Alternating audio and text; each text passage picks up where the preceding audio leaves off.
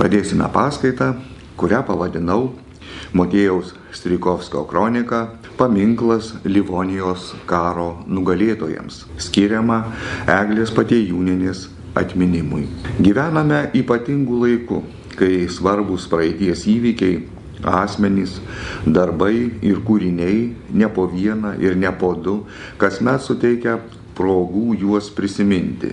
Tai svarbu, nes atmintimi grindžiama mūsų kultūra ir nepabijosiu šios skambaus žodžio egzistencija apskritai. Šiemet minime 500-asias pirmosios Lietuvoje išspausdintos knygos metinės. Tačiau ne tik šią reikšmingą datą dera prisiminti. Kovo 21 dieną sukanka 475 metai nuo Motiejaus Strykovskio gimimo ir 440 nuo jo parašytos kronikos, pirmos išspausdintos Lietuvos didžiosios kunigaikštijos istorijos. Motiejus Strykovskis lenkiškai ir lotyniškai rašęs istoriografas, poetas, karys, kartografas, keliautojas ir leidėjas. Jis gimė Strykove netoli Lodzės, o mirė greičiausiai Jurbarke. Strykovskio kūriniai stebina erudiciją, tačiau iki šiol nedaug ką tikrą žinome apie jo mokslą ir studijas. Abejonių nekelia tai, kad 1553-61 metais jis mokėsi parapinėje Bžezinų mokykloje. Paskutiniais mokymosi metais jis patyrė sunkę galvos traumą. Per metus atsistojęs ant kojų 1563 metais Strykovskis su Poznanės kašteliono Petro Čarnkovskio palyda atvyko į Vilnių.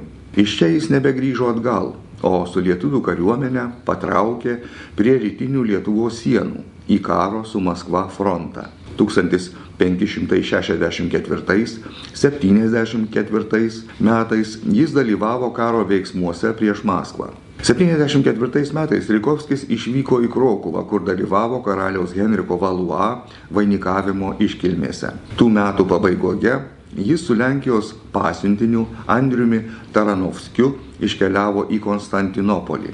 75 metais grįžęs iš diplomatinės misijos, Strikovskis kurį laiką praleido Krokuvoje, rinkdamas medžiagą savo istoriniams veikalams, o paskui išvyko į Lietuvą. Nuo 1576 metų jis gyveno Slutske pas kunigaikščius Olelkaičius. Mirus globėjui Jurgiui Olelkaičiui Strykovskis 78 metų pabaigoje ar 79 metų pradžioje persikėlė į Varnius. Buvo globojamas žemaičių vyskupo Merkelio Gedraičio. 1580 metais istorikas per Liepoją nukeliavo į Karaliaučių, kur baigė tvarkyti savo kronikos tekstą ir galbūt prižiūrėjo jos leidybą. 1582 metais jis grįžo į Žemaitiją. 86 metų pabaigoje jį randame klebonaujantį Jurbarke. Kadangi po 1590 metų dokumentuose minimas kitas Jurbarko klebonas, manoma, kad Strikovskis šiame Žemaitijos mieste ir mirė apie 1590-uosius. Strikovskio biografijos faktai mums pravers, kai kalbėsime apie jo gausę įvairią žanrę kūrybą. Dabar jie mums svarbus, nes liudyja apie talentingą, labai darbštų ir be galo produktyvų kūrėją. Kad jį lydėtų sėkmė, reikėjo dar vieno svarbaus dėmens, o būtent visuomenės palaikymo, paskatinimo, gal net gairių kūrybai nurodymo. Esama duomenų, kad tokio paskatinimo ir nurodymo būta ir kad toks paskatinimas ir nurodymas lėmė ne tik Strykovskio, bet ir kitų istoriografų, rašytojų ir poetų veiklą. Priminsiu kai kuriuos iškalbingesnius faktus. Pradėsiu nuo kunigaikštijos raštininko Venslovo Agripos, taip pat turinčio nuopelnų ir Lietuvos lotyniškai literatūrai. Savo 1578 m. lapkričio 9 dienos laiške Vilniaus vaivadai Radvilai Rudajam jis papasakojo, kokį įspūdį karaliaus rūmose padariusi Radvilos Rudojo relacija apie paskutinę pergalę pasiektą Livonijoje. O paskui nurodė, norėčiau, mila širdingasis kunigaikšti, kad būtų aprašyta visa šio šlovingo mūšio istorija. Dabar yra daug medžiagos ir apie šį, ir apie anksčiau prie Ulos Tarvastos vykusius šlovingus mūšius, kuriems vadovavote jūsų kunigaikštiškoji mylista. O be to ir tai, kas vyko jūsų šviesos atminties tėvo laikais, reikėtų atnaujinti ir aprašyti ir amžinam atminimui į spaudą atiduoti. Jeigu jūsų kunigaikštiškoji mylysta norėtumėte ką nors apie tai atsiųsti, bet ir ten jums nesunku su spauda, nes turite tam tinkamų žmonių, kaip ponas Vilniaus Vaitas Rotundas arba ponas Volanas, kurie galėtų lotyniškai parašyti ir kuriuos turėdama šalia savęs jūsų kunigaikštiškoji mylysta lengvai galėtumėte papildyti tai, kas nebuvo kronikose parašyta, kadangi ne Lietuva rašė. Reikia, kad vis dėlto žmonės žinotų, jog Lietuva, kol nebuvo ponų Lenkų suplėšyta, gebėjo Maskvai priešintis. Todėl iš tiesų trokščiau, kad žemės patys galėtume iš priešo atsiimti be svetimųjų pagalbos. Citatos pabaiga. Agripos liudijimas svarbus dviem požiūriais. Jo pabaigoje įvertinta andainykštė padėtis, susikloščiusi informacijos apie įvykius Lietuvoje, Lenkijoje ir kaimininėse šalise laukia. Apie Lenkijos ir Lietuvos istoriją Taip pat 1558 metais prasidėjusi Livonijos karą ir jo eigą, 69 metais sudaryta Liublino unija ir kitus svarbius politikos įvykius, tuo metu Europai dar liudijo vien Lenkų autoriai - Martinas Kromeris, Martinas Bielskis, Stanislavas Ožechovskis ir kiti. Savo istorijos veikaluose, politinės polemikos raštuose jie kritiškai atsiliepdavo apie Lietuvą, jos praeitį, valdovus, geopolitinės perspektyvas, kultūros lygį ir kitus dalykus. Agripos laiške paminėti asmenys, Rotundas ir Volanas buvo tie žmonės, kurie jau buvo pasižymėję ideologinės ir politinės polemikos su Lenkų autoriais baruose. Jiems priskiriamas politinis dialogas pavadintas Lenko pasikalbėjimu su lietuviu. Atsiliepdamas į kunigaikštijos atžvilgių už gaulų Kromerio veikalą, Rotundas 560-70 metais lotyniškai parašė Lietuvos istoriją. Neišliko. Volanas 70 Antrais metais lotyniškai publikavo filosofinį veikalą apie politinę arba pilietinę laisvę, kuriame aptarė bei pagrindė teorinius Lietuvos valstybės, visuomenės ir teisės modernizavimo kelius. Sukurti Radvilijadą Joną Radvaną paskatino kitas Radvilos rudojo aplinkai priklausęs asmuo - Lydos ir Cėsių seniūnas Jonas Abramavičius. Apie tai jis pareiškė Epo pratarmėje, dedikuotoje Kristupui Radvilai Perkūnui. Mes priėmėme, kaip to reikalavo tavo protėvių reikšmingumas iš tavęs tavo žygius, tuos tavo palankumo respublikai ir įsipareigojimo ją puošti bei stiprinti laiduotojus, kai tu, šviesiausiasis kunigaikšti Kristupai Radvila, su savo kariais perėjai tuos kraštus, apie kuriuos išgirsti mums leido nebent tik koks gandas ir kur, kaip žinojome, yra Vytauto takas. Ženk šiuo darybių keliu, netruks garsų talentų apdainuoti tavo žygius, o aš už tą didžiausią dosnumą kurį įžymiausias tavo tėvas man rodė, kai stiprino mano padėtį. Ir už jo niekuomet nenuneigiamą gerumą man, noriu, kiek įstengiu tarnauti jo vardui Todėl savo Jonui Radvanui nurodžiau, kad jis pasistengtų įžymiojo herojaus atminimui ir į poemą suguldytų jo gyvenimą, to visiems labai norint ir linkint. Ir perduotų amžių motinai šloviai, įdant šlovė lydėtų to herojaus mirtį, kurio gyvenimą lydėjo dorybė.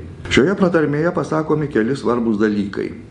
Abramavičius nurodė Radvanui apdainuoti Radvilos perkūno tėvo gyvenimą ir žygius, tarsi atsiliepdamas į aukščiau minėtą 78 metų Agripos laišką Radvilai Rudajam. Matyti, kad Radvanas iš savo mecenato gavo užduoti prisidėti prie kitų lietuvių rašytojų ir sukurti savo originalų, savarankišką istorinį pasakojimą apie didžiąją kunigaikštyją. Panašiai savo kūrybinės intencijas apibūdina Streikovskis. Kronikos pratarmėje šviesiausiems kunigaikščiams ir ponams Jurgiui, Simonui, Aleksandrui Olelkaičiams jis rašo. Vertė Eglė Patėjūnienė. Jūs puikiai žinote, geriausiai kunigaikščiai, kaip rūpestingai ir uoliai aš plaukiausi, tęsdamas šį varginantį analų rašymo darbą, kai prieš penketą metų glaudžiausi prašmatniuose Slutsko ir Semetičių dvaruose, naudodamasis jūsų gimdytojų, švento atminimo kunigaikščio Jurgio Olelkaičio ir šviesiausiosios herojės, iškilios moters Kotrynos Tenšino grafaitės, neapsakomų humaniškumų bei dosnumu. Šio jūsų dosnumo ir nemažesnio svetingumo aš niekad nepamiršau. Kasdien ir kas nakt maščiau, kaip galėčiau pirmai progai pasitaikius parodyti nuoširdų savo dėkingumą kunigaikščiui, jūsų tėvui ir jums. Troškau įamžinti jo neįlinės darybės ir štai šiuos savo darbo vaisius jam dedikuoti. Kai ak, koks sielvartas, geriausiasis kunigaikštis, vertas amžimi pranokti Nestorą, kuriam prilygo išmintimi, nusilenkęs įstatymams ruščios ir neišvengiamos mirties, nuo kurios neįmanoma atsipirkti net krezo auksų, paliko jūs ir visus gerus žmonės, neapsakomai jo besiilginčius. Tačiau kadangi jūs, kilnieji kunigaikščiai, tapote visateisiais žymiojo savo tėvo šlovės paveldėtojais, jums, kuriems esu daugiausia skolingas, šį dešimtmečio nemigos naktų darbą su didžiausiu džiaugsmu skiriu jums. Iš jo, gaudami reikšmingiausius istorijos veikalų vaisius, labiau pagirtinų ir naudingesnių būdų sužinosite apie savosios karingiausios tautos kilmę, paplitimą, raidą, gyvenseną, šlovingus žygius ir darbus namuose bei viešumoje, iki šiol glūdėjusius, neperregimuose ir užkimerietiškus tamsesniuose šešėliuose. Citatos pabaiga. Paskutinėme ilgos citatos sakinyje Strikovskis užsimena apie Olelkaičio aplinkoje sukurtą eiliuotą Lietuvos istoriją, nes ko nepažodžiui persako jos pavadinimą, o būtent apie lietuvių, žemaičių ir rusėnų šlovingos tautos pradžią, giminių kilmę, galybę ir didvyriškus darbus kovų laukuose ir namie. Taigi Slusko kunigaikštis Jurgis ir jo sūnus buvo tie asmenys, kurie skatino Streikovskį atsidėti Lietuvos istorijos studijoms, o vėliau galbūt rėmė ir jų išleidimą.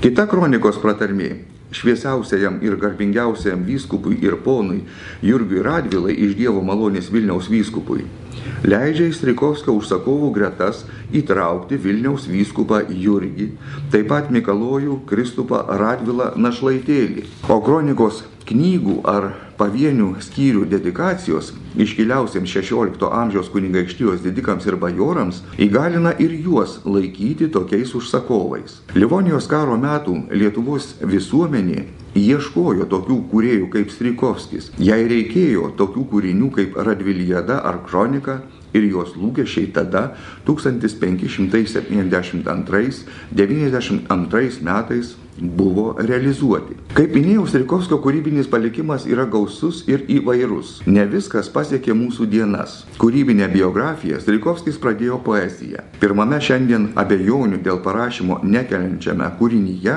autorius eilėmis apdainavo plačiai per Europą anuomet nuskambėjusią lietuvių kariuomenės pergalę Ulos kautynėse 1564 m. sausio 24 d.